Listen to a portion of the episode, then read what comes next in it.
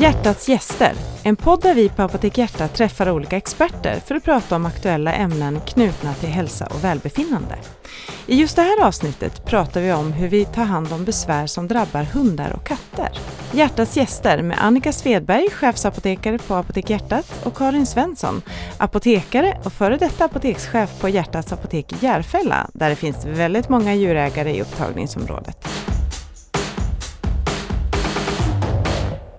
Precis som vi människor så kan ju våra fyrbenta vänner också drabbas av en massa elände och åkommor som oroliga magar och fästingar och åksjuka och problem med mun och tänder. Och vad är då bra att tänka på när husdjuret råkar ut för de här besvären och hur ska man behandla? Och när behöver man uppsöka veterinär?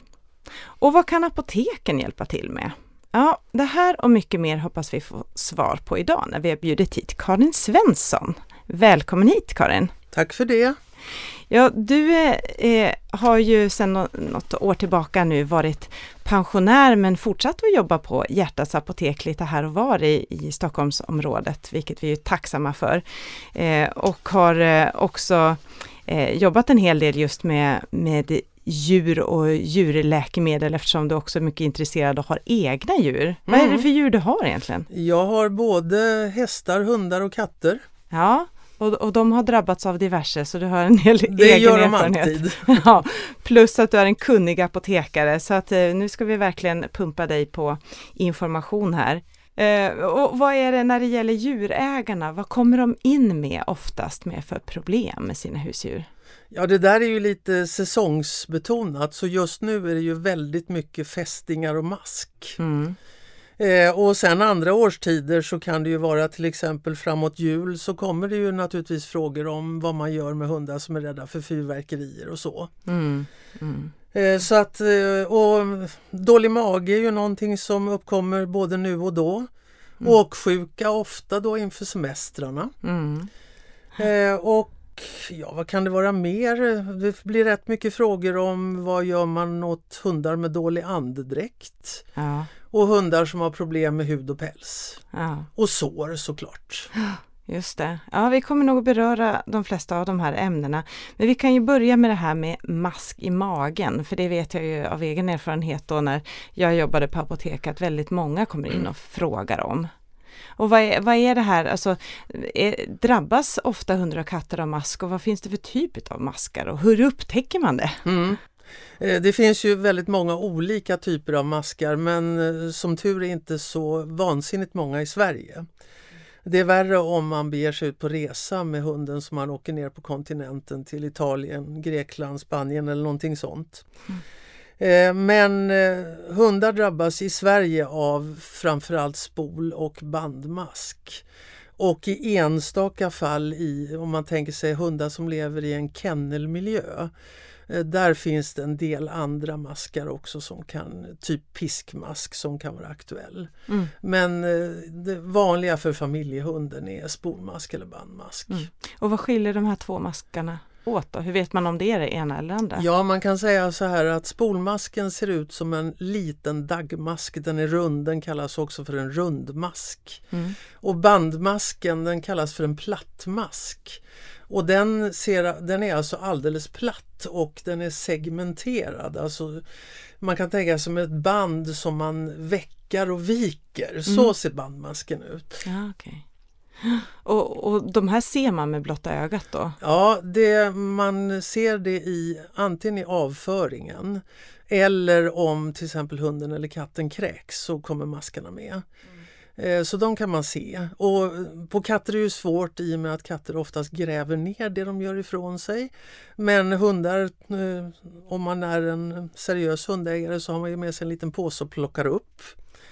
Eh, och då när man gör det så ser man ju om no någonting kryper och kravlar. Mm, så trevligt. Ja, ja men vad, vad, vad, gör man åt det då? När, när de kommer in på ett apotek och säger jag vill ha medel mot mask, vad, vad säger du då? Vad ställer du för frågor? Ja, det viktiga är ju då att försöka ta reda på hur hunden eller katten lever. Om vi börjar med hundar Eh, så det är ju en sak när det gäller valpar upp till 12 veckors ålder. De behöver alltid avmaskas mot spolmask eftersom spolmasken kan alltså följa med i moderlivet över till valpen. Eh, och har man då en seriös uppfödare ska de avmaska valpen innan den lämnas ut till den kommande ägaren. Ofta gör man det vid 4 och 8 veckors ålder. Och sen den sista avmaskningen vid 12 veckor ska då den nya ägaren göra. Eh, och detsamma gäller när det gäller katter, att de också ska avmaskas mot spolmask då. Mm. När, när de är nyfödda? Precis, så ah, det är sån ah. avmaskning som alltid ska göras. Ah, Men i övrigt så har Läkemedelsverket kommit med relativt nya rekommendationer där man alltså är helt på det klara att det avmaskas alldeles för mycket och med medel som har alldeles för brett spektrum, som tar för många maskar. Och det har alltså lett till att maskarna har börjat bli resistenta. Ja, så de, de svarar inte på behandlingen, på behandlingen längre, de dör inte? Nej, precis. Ja. Eh, och därför har man ändrat rekommendationen så att man helst bör skicka ett träckprov.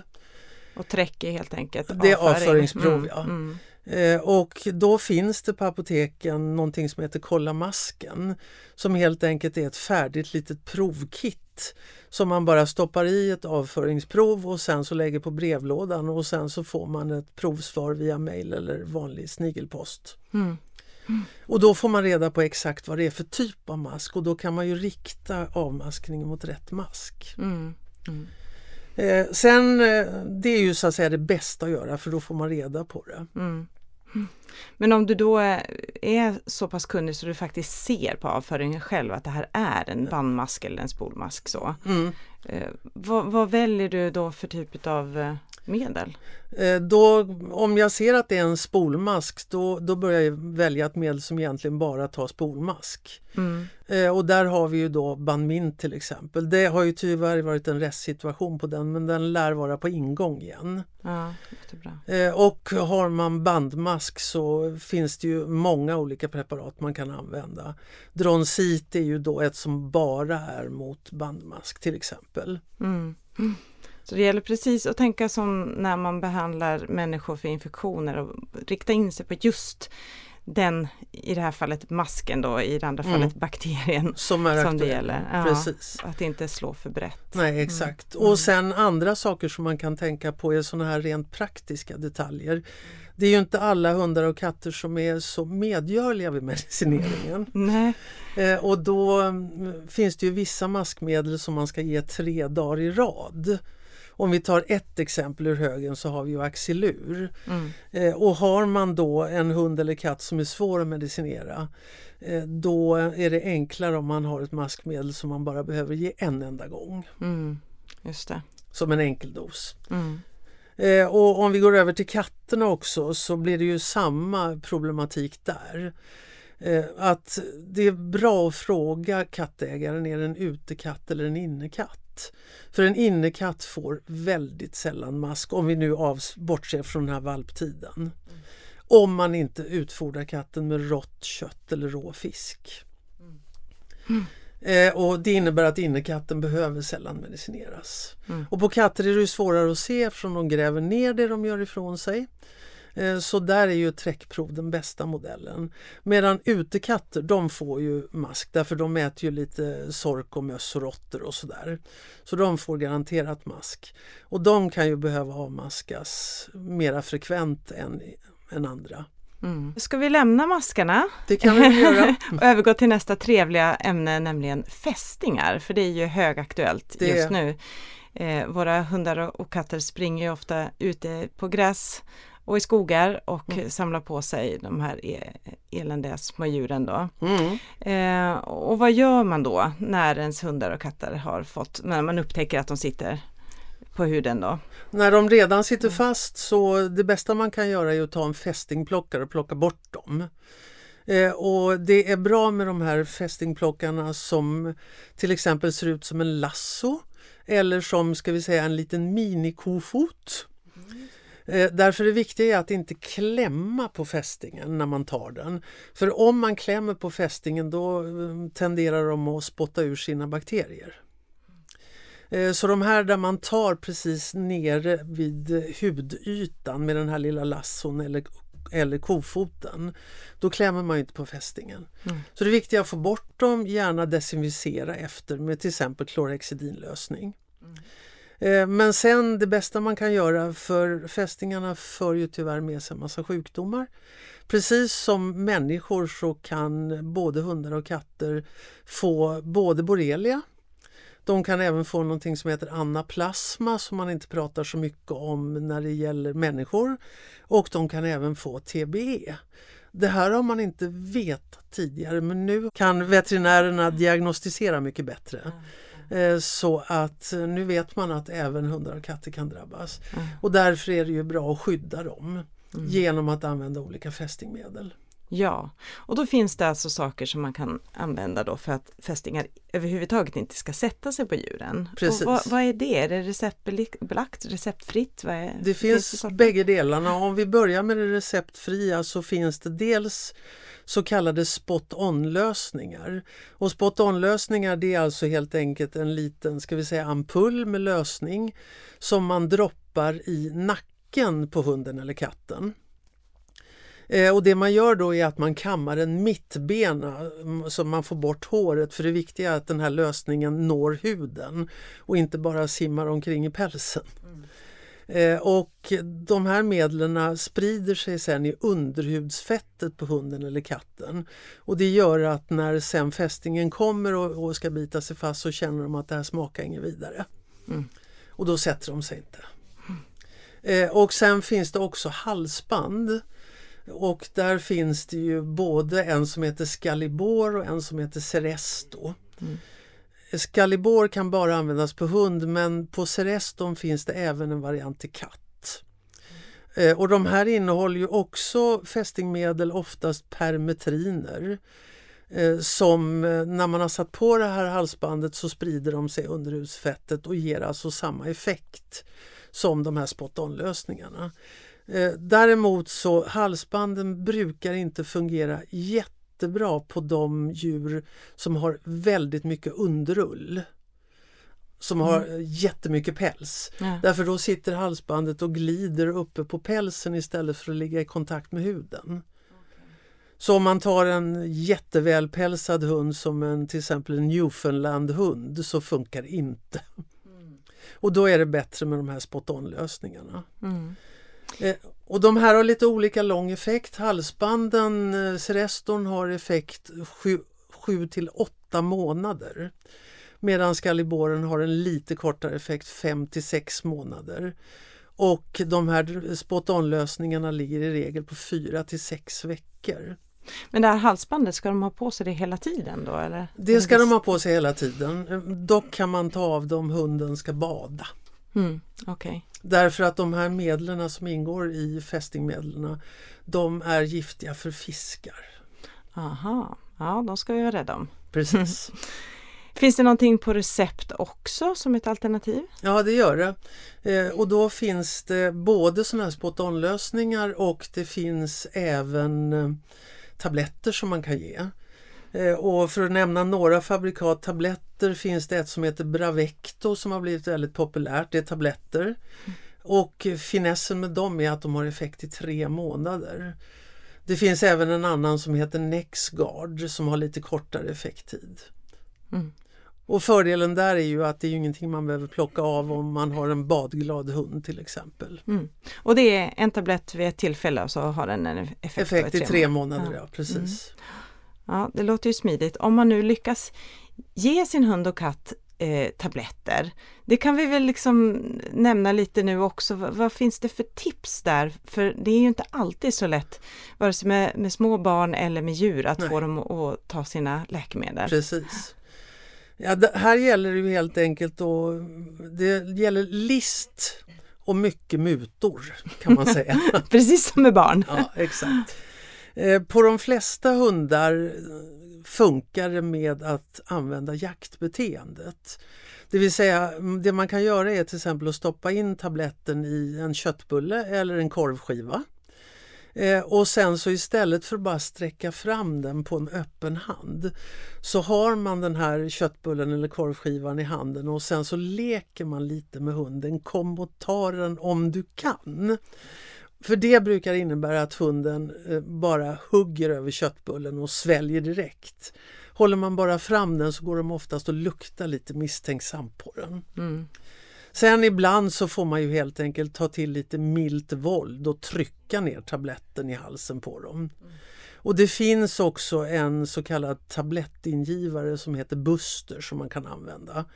Så att man kan få det tillräckligt långt bak på tungroten. Mm.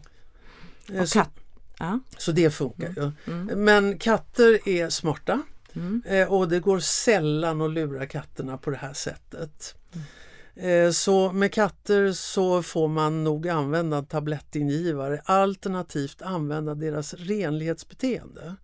Mm. Eh, så man kan alltså göra så om det nu inte är en slow release tablett. Att man krossar tabletten och till exempel blandar ut den i lite honung. Och sen så tar man och stryker det på tassen på katten. Och då kommer katten att slicka i sig för de är så renliga så de vill bli av med allt skräp i pälsen. Mm. Det, det, var ju jättesmart. Ja, det enda man får se upp på där är om man har mer än en katt, att rätt katt slickar. Just det, behandla hela flocken. Ska vi lämna eh, de här otäcka små djuren då och eh, gå in på, på andra små, små eh, sår som som djur kan få nu den här tiden på året framförallt när de är ute och leker. Mm. Hur ska man göra rent hundar och katter? Precis som man gör på människor. Mm. Så där är ingen skillnad. Så normala behandlingen på småsår är att man börjar med tvål och vatten. Spola rent ordentligt. Och man kan ju också använda natriumklorid såklart, sårskölj. Eh, och är det ett infekterat sår, klorhexidinlösning. Mm. Så det är inga konstigheter där. Mm. Och ormbett som ju kan vara lite Ja, ormbett har man också lite grann ändrat rekommendationerna. Förr i världen så uppmanades djurägare att man skulle ha betapred, alltså kortison hemma eh, som man skulle ge i samband med ett ormbett men det har man gått ifrån. Eh, bortsett från de här som bor ute på någon oländig skärgårdsö som har svårt att ta sig till en veterinär på nolltid. Mm. Eh, så blir hunden eller katten ormbiten så ska den till veterinären för de kan bli riktigt, riktigt dåliga. Mm. Mm. Och även om man inte tror det, så det farligaste är om ormbettet eh, landar i någon av tassarna. Okay. Ofta så blir ju hunden eller katten biten i nosen helt enkelt för att de går med nosen i backen och, och tittar. Eh, men det är betydligt mindre farligt därför att blodcirkulationen är inte så stor där. Medan om en hund till exempel blir biten i hasen, alltså i eh, kan vi säga bakknät för att jämföra med en människa. Eh, då får man en jätte cirkulation i hela kroppen och då sprids ju ormgiftet mm. runt. Och nu pratar vi om huggormar i Sverige då, inte snokar och sådär? Nej, de bits nej, inte. Nej. Och man gör det inte så giftigt heller. Så nej. där är det, ska man iväg till en veterinär så fort som möjligt och hålla mm. djuret stilla så att de helst inte rör sig på vägen till veterinären om det mm. går. Mm. Yes, då vet vi det. Och eh, nu när det då är semestertider och så, så brukar man ju också ta sig iväg, kanske med bil eller med båt och vill ha med sig husdjuren också. Ja. Och då vet jag ju av egen erfarenhet att, att en del djur blir ju faktiskt åksjuka, precis som vi människor precis. och kräks och mår dåligt. Ja. Och vad, vad gör man då som djurägare? Hur kan man förebygga det? Ja, förebygga kan, är svårt att göra. Ja, det man kan förebygga är att låta bli att ge hunden eller katten mat innan man åker. Så att de är tomma i magen, då finns det inte så mycket som kan komma upp. Eh, och idag finns det ju tyvärr inga veterinärläkemedel receptfria registrerade på indikationen åksjuka. Förut så fanns det ett, en, en som hette Glanil mm. som var både för människa och för veterinärt bruk men den är avregistrerad.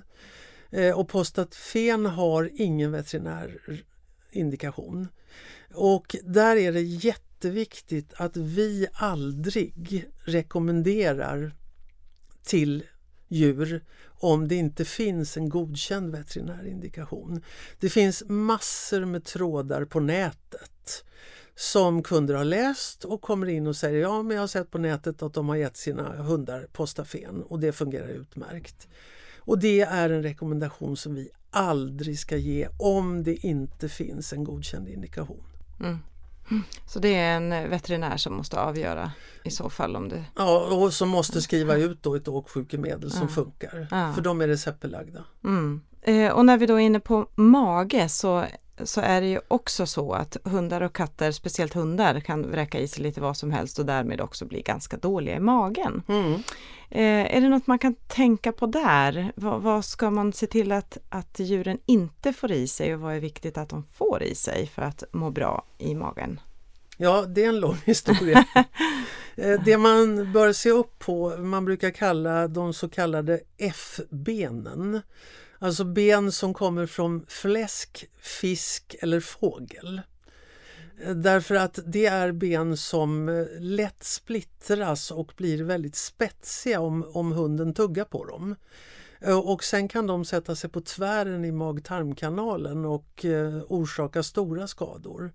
Så om man misstänker att hunden har fått i sig ett främmande föremål, det kan ju alltså vara de här benen, men det kan ju allt var allt från barnens leksaker, legobitar är ganska vanliga till exempel.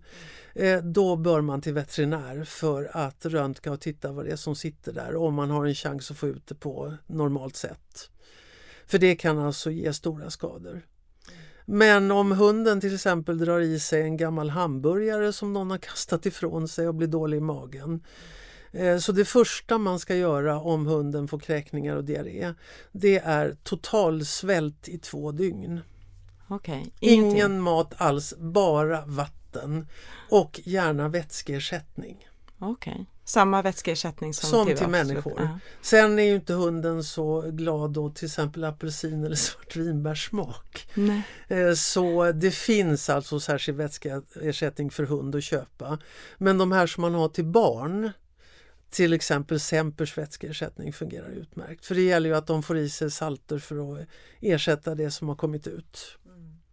Så det är det första man kan göra. Eh, och sen så börjar man med att ge överkokt ris. Alltså ris som man kokar med dubbelt så mycket vatten som vanligt. Mm. Eh, och sen så kan man då blanda i till exempel lite kokt fisk som man ger i pyttesmå portioner efter den här totalsvälten. Eh, och sen när hunden börjar bli bättre i magen så kan man långsamt blanda i eh, hundens ordinarie foder. Mm. Är det lika vanligt att katter blir dåliga i magen eller är det Nej, framförallt hundar? det är hundar för katter är smarta, de sätter inte i sig på det sättet. Katter kan ju om de är, har rejält med mask så kan de få diarré och kräkningar. Mm. Men då ser man ju på det som kommer upp att det är masken som är bekymret, inte så mycket annat. Mm. Just det. Sen har vi ju då på apoteken har vi ju då eh, olika produkter som kan hjälpa till att normalisera tarmfloran. Vi har ju dels prebiotika eh, och vi har också en del som innehåller eh, sockerarter och eh, kalium magnesium, till exempel diarsanyl och vi har Canikur och vi har Procolin. Det är sådana produkter som man kan ge för att hjälpa till att normalisera tarmfloran efter en sån här incident med diarré. Mm. Som är receptfritt? Eller som är receptfritt, ja. Mm. Som finns i egenvårdshyllan. Mm. Finns det någon annan typ av mat som man ska undvika att ge till eh, hundar och katter? Eh, hundar eh, tål till exempel inte choklad. Just det, det har jag hört talas om. Mm, teobrominet i choklad är ett gift för hunden och ju mörkare choklad desto mera teobromin. Så hundar ska aldrig få choklad. Mm. Eh, likadant så tål inte hundar russin och vindruvor särskilt bra. Mm. För att ta några exempel. Mm. Och sen något som man ska passa sig för, det är ju inte aktuellt kanske precis nu när vi går mot sommaren. Men på, när man på vintern behöver hälla glykol i bilarna mm. eh, för att det inte ska frysa, eh, då ska man tänka på att inte spilla om man har hund. Därför glykol är nämligen väldigt sött och det slickar hundarna gärna i sig och blir kolossalt sjuka. Det är många som dör av dem de får i sig. Mm. Ja, så det måste man akta sig. sig för. Men sen i övrigt när det gäller mat så den bästa utfodringen för hund är ett torrfoder av bra kvalitet. Därför torrfoderna innehåller exakt de näringsämnena som hunden eller katten behöver. Medan om man bara ger matrester då kan det ju bli så att man får fel balans på mineraler och vitaminer. Eh, och framförallt till växande hundar och katter. Mm. Där är det oerhört noggrant att man får rätt balans mellan till exempel eh, kalcium och fosfor för att skelettet ska utvecklas. Mm. Så om man vill köra eget foder eh, då måste man vara oerhört väl påläst och blanda i rätt mängder av vitaminer och mineraler vilket inte är det lättaste. Och då har vi pratat mat som är olämplig men det finns ju också vissa läkemedel. Du nämnde ju postafen mm. här som inte är lämpligt då att ge Ja därför som, att det inte har en veterinärindikation. Nej, precis. Nej. Men det finns andra där man verkligen vet också att det här är verkligen inte bra att ge till djur som man kanske kan tro mm. därför att det funkar på människor. Precis. Kan du nämna något sånt? Mm, vi kan ju börja med katterna. Uh. Och då är det så att katter kan inte glukoronidera. Det vill säga att de kan inte omvandla läkemedel till vattenlösliga substanser som kan gå ut med urinen. Eh, och det gör att katter är otroligt känsliga för läkemedel. Eh, och om vi tar ett exempel att en halv Alvedon är dödlig dos för en katt. Oj. Mm. Därför de blir aldrig av med paracetamol. Mm. I och med att de inte kan glukuronidera. Mm. Så katter ska man vara egentligen bara medicinera efter veterinär rekommendation. Eh, och många vill ju hjälpa sitt djur som kanske är lite halt eller någonting sånt där och ge något smärtstillande. Eh, och eh, vanlig man, gamla kära magnesylen eller acetylsalicylsyran finns ju en veterinär indikation på för hund. Så det kan man i sig ge men man ska också tänka på att till en människa eller till ett barn så kan man säga att ja men nu när du har ont så är det viktigt att du inte rör på dig så mycket. Men det går inte att säga till hunden. Eh, och ger man då acetylsalicylsyra till en halt hund då kanske inte hunden känner av smärtan och springer som en galning och förvärrar åkomman istället. Mm. Eh, så alla typer av smärttillstånd bör ju veterinärbehandlas. Mm. Inte någonting som man gör själv. Nej. Ja det är bra. Nej, hundar och katter har ju som du nämner helt andra enzymsystem än vi människor så att det är ju man får inte tro att det som funkar på en människa funkar på ett djur. Så, Nej, så ut, Utom möjligen vid sårbehandling. Ja, ja, ja precis, utvärtes. Ja, precis. ja. Ja, något annat som många, framförallt hundar, eh, får problem med, eh, det är ju att de luktar illa ur munnen, det nämnde du där i början. Mm. Eh, och, och, med tänderna och så. Hur, hur förebyggs det? Tandborstning. Tandborstning? Helst mm. varje dag. Ja. Och där behöver man inte komplicera till det så mycket heller. Det går alldeles bra med en vanlig tandborste som man använder till människor. Helst mjukaste varianten. Det finns också små praktiska tandborstar som man kan sätta på en finger till exempel. Mm. För det kan vara lite lättare att hantera, man får lite mera rörlighet än om man står där med det där långa skaftet. Mm. Eh, och sen går det bra att använda vanlig tandkräm som man använder till människor men ofta är det lite stark mintsmak på dem och det brukar inte hundar tycka är så jättekul. Mm. Eh, så det finns särskilda hundtandkrämer som det är leversmak på. Som ja. hundar brukar gilla. Ja. Och däremot katter är lite svårare att hantera men de håller sig så rena själv så det är sällan katterna får de problemen. Mm. Kan man borsta tänderna på katten så är det bra men eh, Annars så är det bättre att gå till veterinären ungefär som vi själva går till tandhygienisten kanske någon gång om året och mm. plocka bort det värsta. Mm. Just det. Då så Karin, då känner jag att jag har fått med mig väldigt mycket eh, idag kring eh, hur vi ska ta hand om våra fyrbenta vänner där hemma.